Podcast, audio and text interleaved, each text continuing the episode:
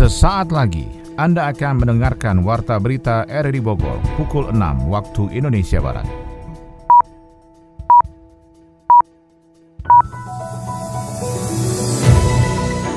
Selamat pagi, salam jumpa. Kami hadir kembali dalam Warta Berita edisi hari ini, Jumat 1 April 2022. Informasi ini juga turut disiarkan melalui audio streaming lewat RRD Play dan juga disiarkan lewat Radio Tegak Beriman Kabupaten Bogor, Jawa Barat dan Anda bisa akses di Spotify RRD Bogor. Berita hari ini adalah Pemprov Jakarta memastikan restoran bisa tetap buka selama bulan Ramadan. Polres Sukabumi mengungkap belasan kasus penyakit masyarakat dengan barang bukti ribuan botol miras hingga narkotika. Stasiun Bogor memecahkan rekor muri sebagai stasiun dengan internet wifi tercepat. Saya Maulana Isnarto, inilah Warta Berita selengkapnya.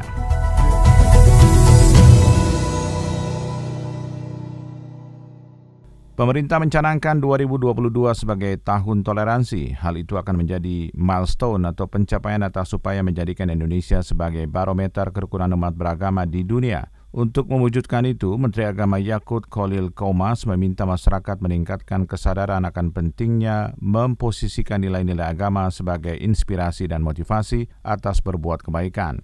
Hal itu sesuai karakter dasar masyarakat Indonesia yang sangat toleran dan sangat menghargai perbedaan. Menteri Agama optimis masyarakat dapat sama-sama menjaga kerukunan antar umat beragama sehingga Indonesia akan menjadi barometer kehidupan yang rukun dan harmoni dalam keberagaman dunia. Lalu apa kata masyarakat tentang kerukunan umat beragama di Indonesia? Dengan siapa? Bapak Sabto. Menurut Bapak, kerukunan umat beragama itu apa sih? Ya, toleransi antar umat beragama yang di mana masing-masing harus saling menghormati, satu sama lain tanpa ada inilah saling apa ya mengejat apa tuh tentang keyakinannya sendiri-sendiri gitulah ya. Kalau kerukunan umat beragama di Indonesia itu menurut Bapak udah bagus atau belum Pak? Ya kalau berdasarkan pribadi saya sudah bagus, hanya kadang-kadang kan ada ya sebagian orang yang mungkin inilah mungkin ya beda paham gitu ya mungkin ya kita harus maklumi lah makanya kan kita makhluk sosial yang macam-macam ininya lah apa pendapatnya gitu ya. Dengan siapa? Jeffrey. Menurut Bapak, kerukunan umat beragama di Indonesia itu apa sih? Seharusnya ya gitu ya. ya saling menghargai gitu ya. Toleransi gitu ya. Lalu Pak, untuk kerukunan umat beragama di Indonesia sendiri itu termasuk sudah bagus atau belum Pak menurut Bapak? Kalau dari apa uh, interaksinya sih ya di kehidupan sehari-hari sebenarnya udah baik sebenarnya ya. Uh, cuman uh, kalau dari sisi kalau mengutarakan pemikiran memang kadang-kadang ada yang terlalu gimana ya gitu ya. Mungkin itu karena memang uh, pendapat atau memang uh, keyakinannya yang agak bukan berlebihan sih sebenarnya memang menurut keyakinan mereka seperti itulah seperti itu jadi memang uh, mengutarakan keyakinan tapi dalam prakteknya dalam sehari-hari sih sebenarnya nggak apa-apa. Mereka biasa-biasa aja sih gitu. Walaupun kata si orang ini seperti ini orang ini seperti ini keyakinannya B harus seperti ini harus seperti ini. Pada pada saat interaksi sih di kehidupan sehari-hari sih biasa sih nggak ada masalah gitu. Dengan siapa? Dengan Mas Rizky. Kerukunan umat beragama di Indonesia menurut Mas udah bagus atau belum Mas? Menurut saya sih dibilang bagus ya belum sih ya. Uh, karena ya tergantung orangnya juga ya. Uh, ada yang terprovokator, uh, ada yang ya rusuh gitu lah. Uh, maksudnya ya tergantung kitanya juga sih Mbak ya. Menurut saya sih belum aman juga belum aman. Oke, makasih banyak ya Mas. Untuk membahas lebih jauh tentang bagaimana harusnya menjaga kerukunan umat beragama di Indonesia, kita ikuti wawancara dengan Ketua Umum MUI Kabupaten Bogor, Kiai Haji Profesor Ahmad Mukriaji berikut ini. Apakah memang kita harus punya concern lebih terhadap bagaimana kerukunan beragama di Indonesia dibumbui dengan kebebasan ekspresi, dibumbui dengan arus informasi yang tidak terbatas? Apakah Profesor melihat apa yang disampaikan masyarakat tadi adalah bahwa ada pemahaman yang paripurna ya soal kerukunan umat beragama di Indonesia itu Profesor Mukriaji. Ya dinamikanya memang nggak gitu kehidupan gitu kan. Apalagi nih Indonesia kelihatannya agak dan masyarakatnya hebat-hebat ini. Mhm. SDM-nya udah mulai naik gitu kan. Suku bangsa, kemudian ya agama gitu kan. Bukan satu masalahnya ini. Mhm. Sehingga kesan tadi eh, seolah-olah seolah-olah ya optimis kalau hemat saya sejauh kitanya semuanya bersatu Hmm. terutama bahasa agama Islam katakanlah ulama umaro. Kalau dengan seluruh agama tokoh-tokoh agama ya tokoh agama dan juga tokoh masyarakat menyatu dengan umaro eksekutif pemerintah legislatif juga perwakilan rakyat gitu kan menghormati hak azazi ham Hmm. menghormati hukum dan perundang-undangan. Saya kira insya Allah sesuatu yang beda-beda, memang sesuatu yang beda-beda ada nilai bagusnya itu, Ya. Eh, beda insya Allah indah Ah, ini. Kayak Oke. gitu kan? Iya, tapi kan gini, kalau kita bicara soal misalnya ada beberapa orang yang berpandangan bahwa ketika kita menyatakan bahwa kita harus bersatu dengan Umaro, kemudian juga kita bergabung, berkumpul, plural, kita ingat sekali bahasa Gus Dur yang sangat populer di Indonesia sejak 98 itu adalah eh, beberapa orang mengatakan bahwa loh kalau gitu kita liberal dong. Kalau gitu tidak tidak menjunjung misalnya agama kita yang paling hakiki dan sebagainya. Beberapa orang masih punya pandangan begitu. Bagaimana itu, Prof? Ya ini sebuah tantangan ya. Ya masing-masing kan apalagi intelektual boleh jadi dinamika pemikirannya kan hebat-hebat Hmm. gitu kan. Tapi walaupun hebat-hebat kita butuh kesatuan. Hmm. kita butuh kesatuan gitu kan tidak boleh ada egoistik dalam kehidupan gitu kan Ya. ini kan masalah berbangsa Mhm. inilah kehidupan bernegara ya butuh saling bersama saling merangkul saling memuliakan di antara elemen-elemen bangsa yang sangat besar ini Hmm. sehingga yang kita lihat kini dari masa ke masa kalau saya lihat cukup sangat dinamis walaupun walaupun riak-riaknya tadi itu ada juga satu dua tiga empat gitu kan mudah-mudahan semakin diminimalisir Apa yang membuat sampai- apa yang membuat teriak-teriak itu, Pak Kiai? Menurut Anda, menurut Anda apakah memang saya nggak tahu ya apakah memang eh, beberapa orang berpendapat bahwa apakah memang orang Indonesia ter- terlalu misalnya memandang apa pun menjadi sebuah komoditi komunikasi atau komoditas politik atau justru memang ada yang salah dalam perjalanan kita berbangsa bernegara tentang memahami keberagaman, tentang memahami kerukunan beragama, kan gitu ya? Karena misalnya bagi kami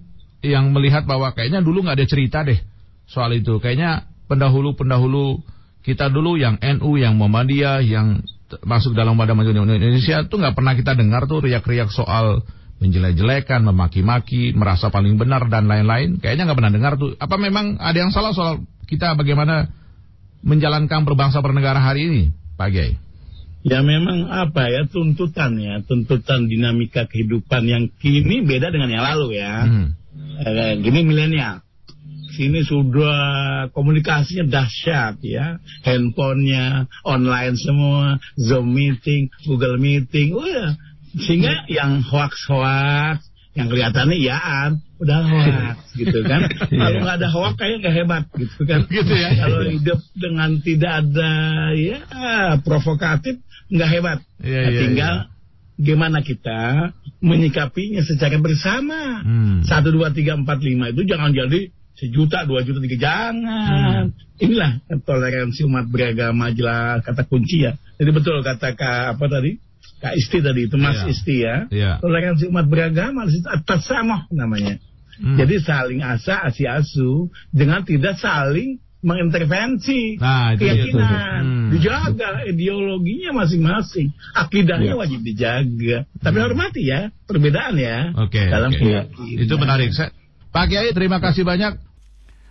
Beralih ke informasi lain, soal Pemprov Jakarta memastikan restoran bisa tetap buka selama bulan Ramadan dengan jumlah penyesuaian.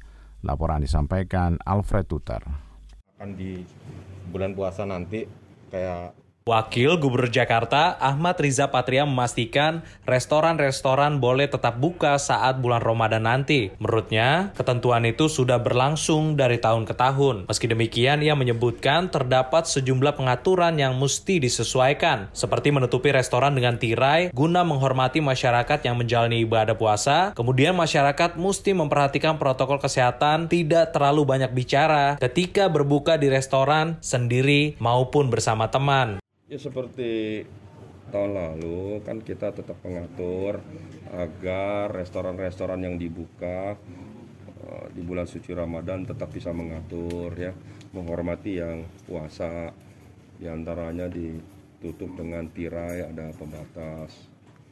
Kemudian yang kedua juga sekarang ini kan di bulan suci Ramadan juga bagi yang berbuka uh, makan di restoran juga harus diperhatikan jangan sampai ketika makan itu nanti terjadi droplet kan Sementara itu Gubernur Jakarta Anies Baswedan menganjurkan agar sebisa mungkin warga melaksanakan ibadah puasa di kediaman masing-masing untuk menghindari penularan COVID-19. Begitu juga ketika berbuka puasa. Mengingat dari pengalaman sebelumnya, peningkatan kasus selalu terjadi karena masyarakat lengah dan menganggap enteng keadaan. Dengan atau tidak ada pandemi, usahakan untuk kerjakan di rumah. Karena kita semua tahu bahwa selalu ada risiko. Karena itu buka puasa juga dianjurkan untuk di rumah. Sebelumnya, Satuan Tugas Satgas Penanganan COVID-19 memberikan sejumlah relaksasi dalam perayaan keagamaan Ramadan dan Idul Fitri tahun ini. Salah satunya mengizinkan kegiatan buka bersama asal benar-benar mengadaptasi protokol kesehatan COVID-19. Menyambut bulan suci Ramadan, Nadatul Ulama Kota Bogor membagi-bagikan mushaf Al-Quran dan kitab kuning kepada pondok-pondok pesantren dan masjid. Kita ikuti laporan Sony Agung.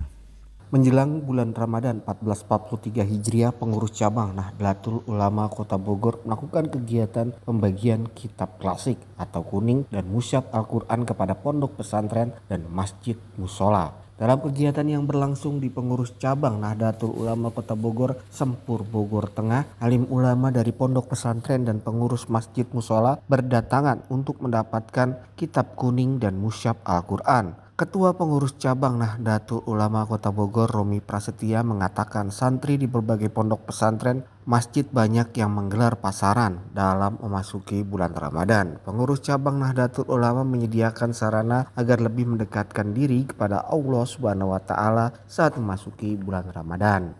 Apresiasi kegiatan yang dilakukan yang dilaksanakan oleh LTM Lembaga Takmir Masjid NU dengan program pembagian push-up untuk masjid dan musola sekota Bogor.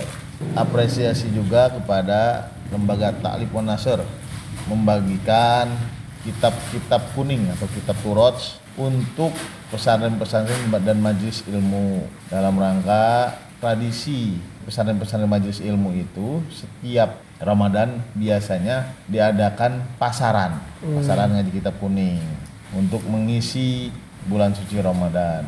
Sementara itu Direktur Pondok Pesantren Kota Bogor Ahmad Ubaidillah menjelaskan pembagian kitab kuning dan musyab Al-Quran ini penting untuk mensiarkan agama Islam sesuai ahlu sunnah wal jamaah saat berlangsungnya Ramadan santri di pondok pesantren dan jamaah masjid dan musola dapat memperdalam ajaran Islam saat berlangsungnya bulan Ramadan sehingga bisa menambah pahala dan keberkahan bagi umat muslim. Program yang diselenggarakan oleh PCNU Kota Bogor, pembagian uh, kitab-kitab kuning ya, Uh, saya kira itu juga gerakan yang sangat baik meskipun sesungguhnya itu men sudah menjadi bagian yang tidak bisa dipisahkan dari sebuah institusi pesantren karena salah satu kekuatan utama pesantren yaitu Turos. Turos tentu merupakan produk dari intelektualisme Islam yang dibangun oleh dunia pesantren. Intisari yang diajarkan di dunia pesantren tentu saja soal uh, penghormatan terhadap keberagaman, kemudian nilai-nilai uh, kebijaksanaan dalam sebuah masyarakat yang plural.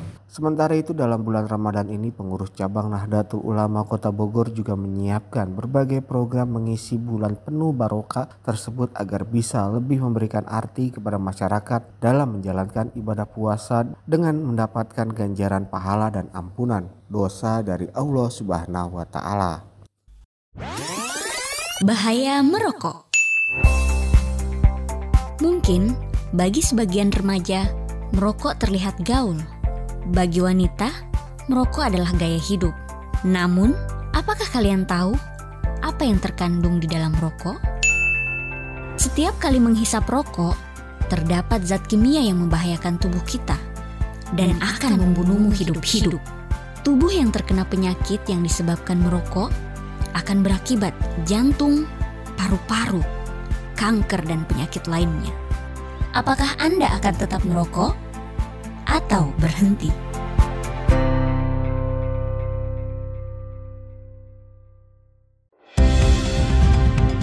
Anda tengah mendengarkan Warta Berita RRI Bogor.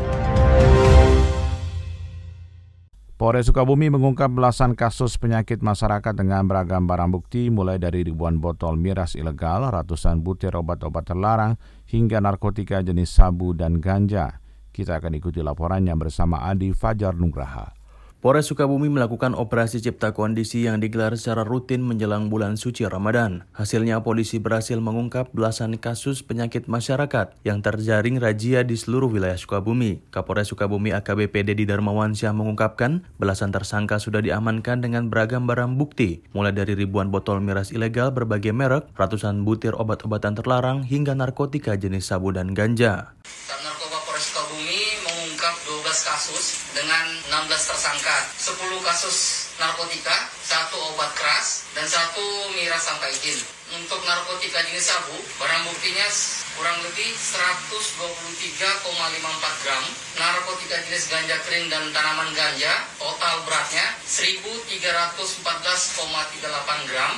Dan ada 16 batang pohon seberat 872 gram yang ditanam di pot obat keras sebanyak 278 butir, minuman beralkohol sebanyak 1.382 botol. Polisi mengungkap mereka yang diamankan melakukan berbagai modus operandi untuk melancarkan transaksi barang haram tersebut. Para tersangka pun dijerat hukuman pidana mulai dari 4 tahun hingga 10 tahun.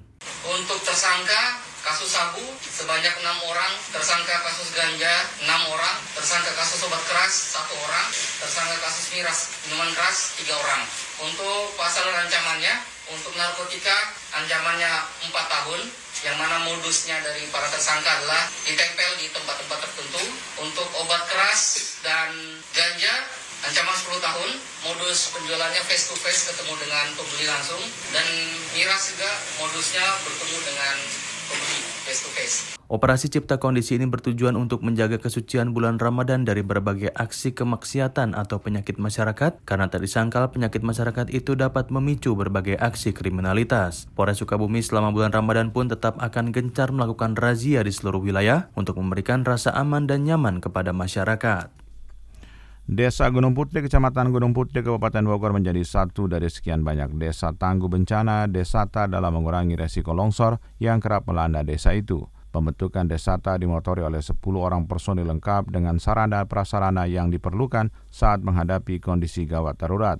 Kepala Desa Gunung Putri Daman Huri menjelaskan, Desa Gunung Putri setiap hujan deras dibayang-bayangi longsor terutama di RW 2 dan RW 7. Tidak hanya melakukan antisipasi dan kesiapsiagaan bencana, 10 personel Destana ini akan dilibatkan dalam setiap kegiatan antisipasi resiko bencana di Kabupaten Bogor. Atau Destana, ada satu kebutuhan di desa kita bahwa pembentukan Destana ini sangat penting mengingat Kabupaten Bogor juga merupakan salah satu daerah yang rawan bencana. Maka nanti Destana ini merupakan garda terdepan desa mewakili pemerintah kabupaten ketika terjadi bencana, maka mereka lah yang terdepan yang lebih dahulu untuk menanggulangi atau menangani bencana alam ataupun relawan-relawan bencana alam Desa Gunung Putri sudah dikirim ke beberapa wilayah diwakil juga oleh Yayasan Gemawan Indonesia. Ketika terjadi di kecamatan kita kirim. Ketika di Kabupaten Bogor waktu kemarin di Cileksa Beberapa fasilitas yang telah disediakan dalam bentuk desa tangguh bencana antara lain dapur umum, perahu karet, dan tenda darurat. Stasiun Bogor memecahkan rekor Muri sebagai stasiun dengan internet Wi-Fi tercepat. Kita ikuti laporan Sony Agung Saputra.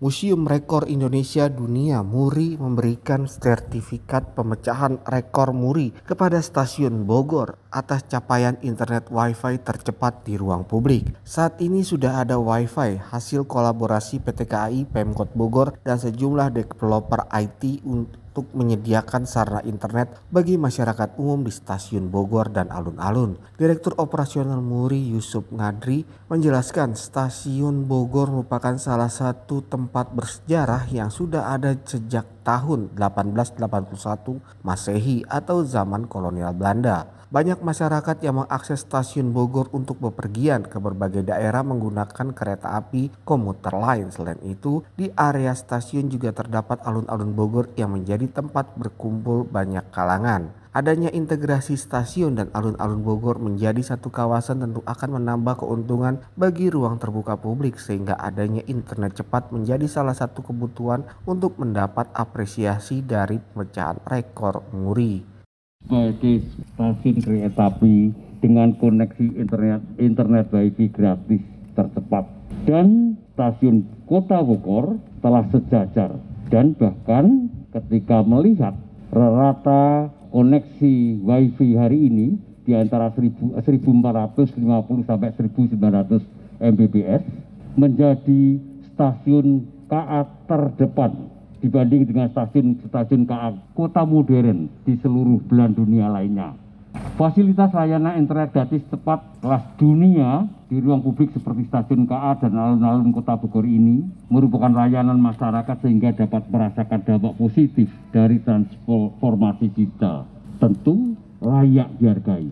Sementara itu, Kepala Daerah Operasi 1 PT Kereta Api Indonesia Suryawan menjelaskan kolaborasi saat ini menjadi kata kunci agar bisa mengembangkan potensi wilayah terutama di Bogor karena banyaknya penumpang yang menggunakan jasa kereta api komuter lain. Dengan adanya internet cepat ini maka memberikan kemudahan bagi masyarakat untuk mendapat sumber informasi dan hiburan saat menggunakan jasa layanan kereta api atau berada di wilayah integrasi alun-alun Bogor dan stasiun. Persembahan dari pemerintah daerah, pemerintah pusat kita sebagai operator BUMN ya untuk dapat memberikan pelayanan kepada masyarakat semaksimal mungkin.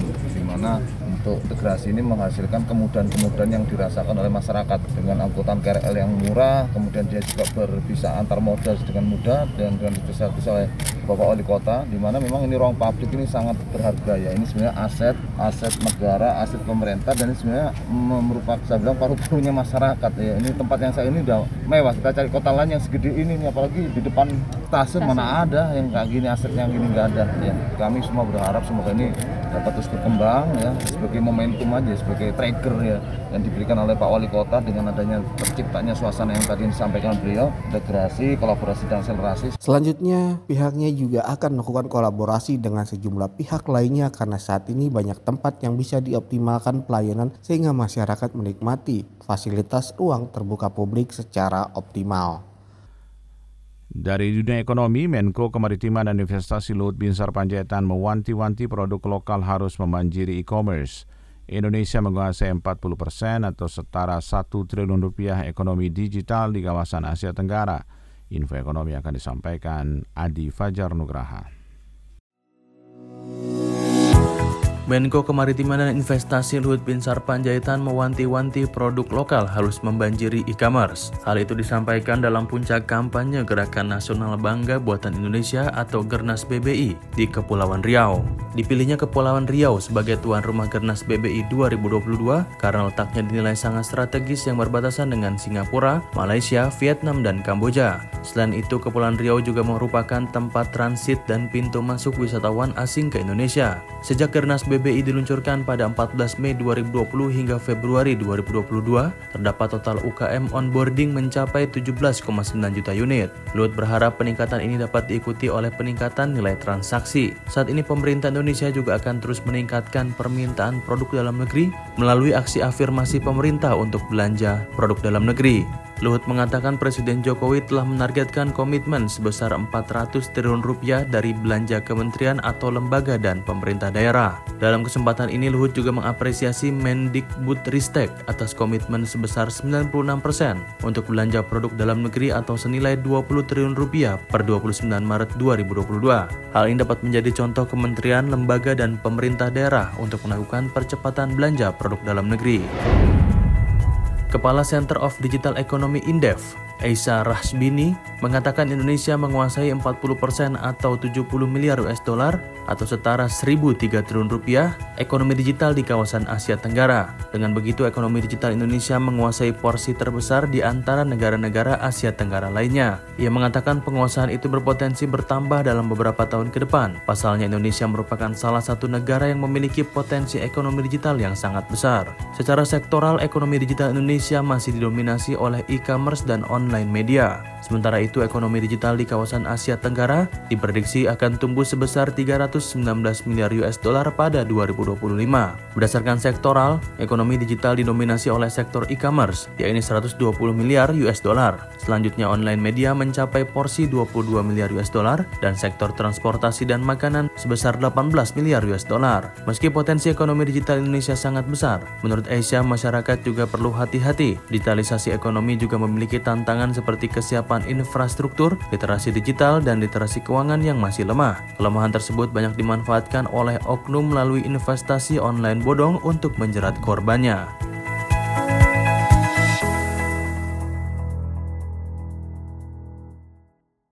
Dari dunia olahraga, 2000 pelari ditargetkan ambil bagian dalam Bogor Challenge atau lomba lari Piala Bupati Ade Yasin. Tinju Timnas Indonesia bertolak ke Phuket, Thailand untuk mengikuti kejuaraan IBA Open Tournament. Selengkapnya disampaikan Ermelinda.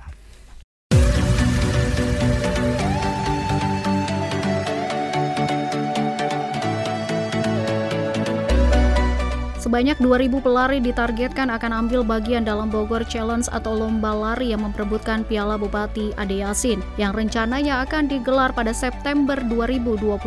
Lomba lari yang pertama kalinya diadakan di Kabupaten Bogor ini merupakan bagian dari rangkaian Hari Olahraga Nasional atau Haornas 2022.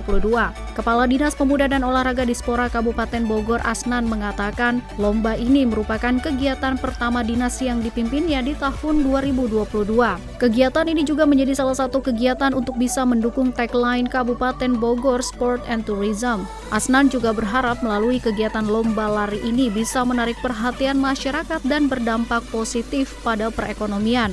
Soal lintasan yang akan digunakan pada lomba lari ini akan dipusatkan di kawasan perkotaan Cibinong. Selain lomba lari juga lanjut Asnan Dispora akan mengadakan festival pencak silat. Menurutnya festival ini menjadi salah satu bentuk Dispora Kabupaten Bogor melestarikan budaya yang ada di bumi Tegar Beriman. Tujuh atlet tinju tim nasional Timnas Indonesia untuk SEA Games Hanoi, Vietnam 2022 bertolak ke Phuket, Thailand untuk mengikuti kejuaraan IBA Open Turnamen dari tanggal 3 hingga 10 April 2022 mendatang. Ketujuh petinju Timnas Indonesia yang tampil pada kejuaraan IBA Open Turnamen kali ini di antaranya Novita Sinadia kelas 51 kg putri, Huswatun Hasana kelas 60 kg putri, Cornelis kelas 52 kg putra, Faran Buyung Papendang kelas 63 kg putra, Saroha kelas 69 kg putra, Michael Muskita kelas 81 kg putra, Sandiarto Feroza kelas 91 kg putra. Hal tersebut dikatakan salah satu petinju timnas Indonesia asal Kabupaten Bogor, Jawa Barat, Kusdiono. Pria yang akrab di Sapa Maskus ini menjelaskan keikutsertaan timnas tinju Indonesia di ajang IBA Open Turnamen di Phuket, Thailand merupakan rangkaian dari tryout yang dilakukan PP Pertina dan sekaligus juga ingin melihat hasil latihan petinju selama mengikuti pemusatan latihan nasional atau pelatnas di Ciseeng, Kabupaten Bogor. Sementara itu Ketua Pertina Kabupaten Bogor Asnan mengaku optimis petinju Kabupaten Bogor atas nama Michael Muskita akan mampu meraih medali untuk timnas Indonesia di ajang IBA Open Turnamen 2022. 2022.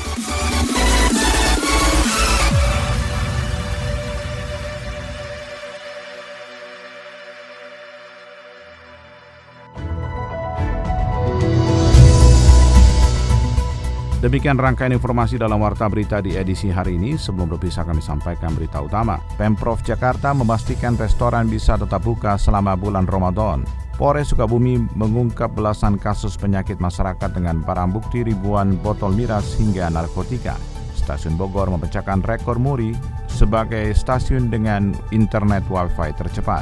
Saya Maulana Isnarto, mewakili kerabat kerja yang bertugas hari ini terima kasih atas perhatian Anda. Selamat pagi, sampai jumpa.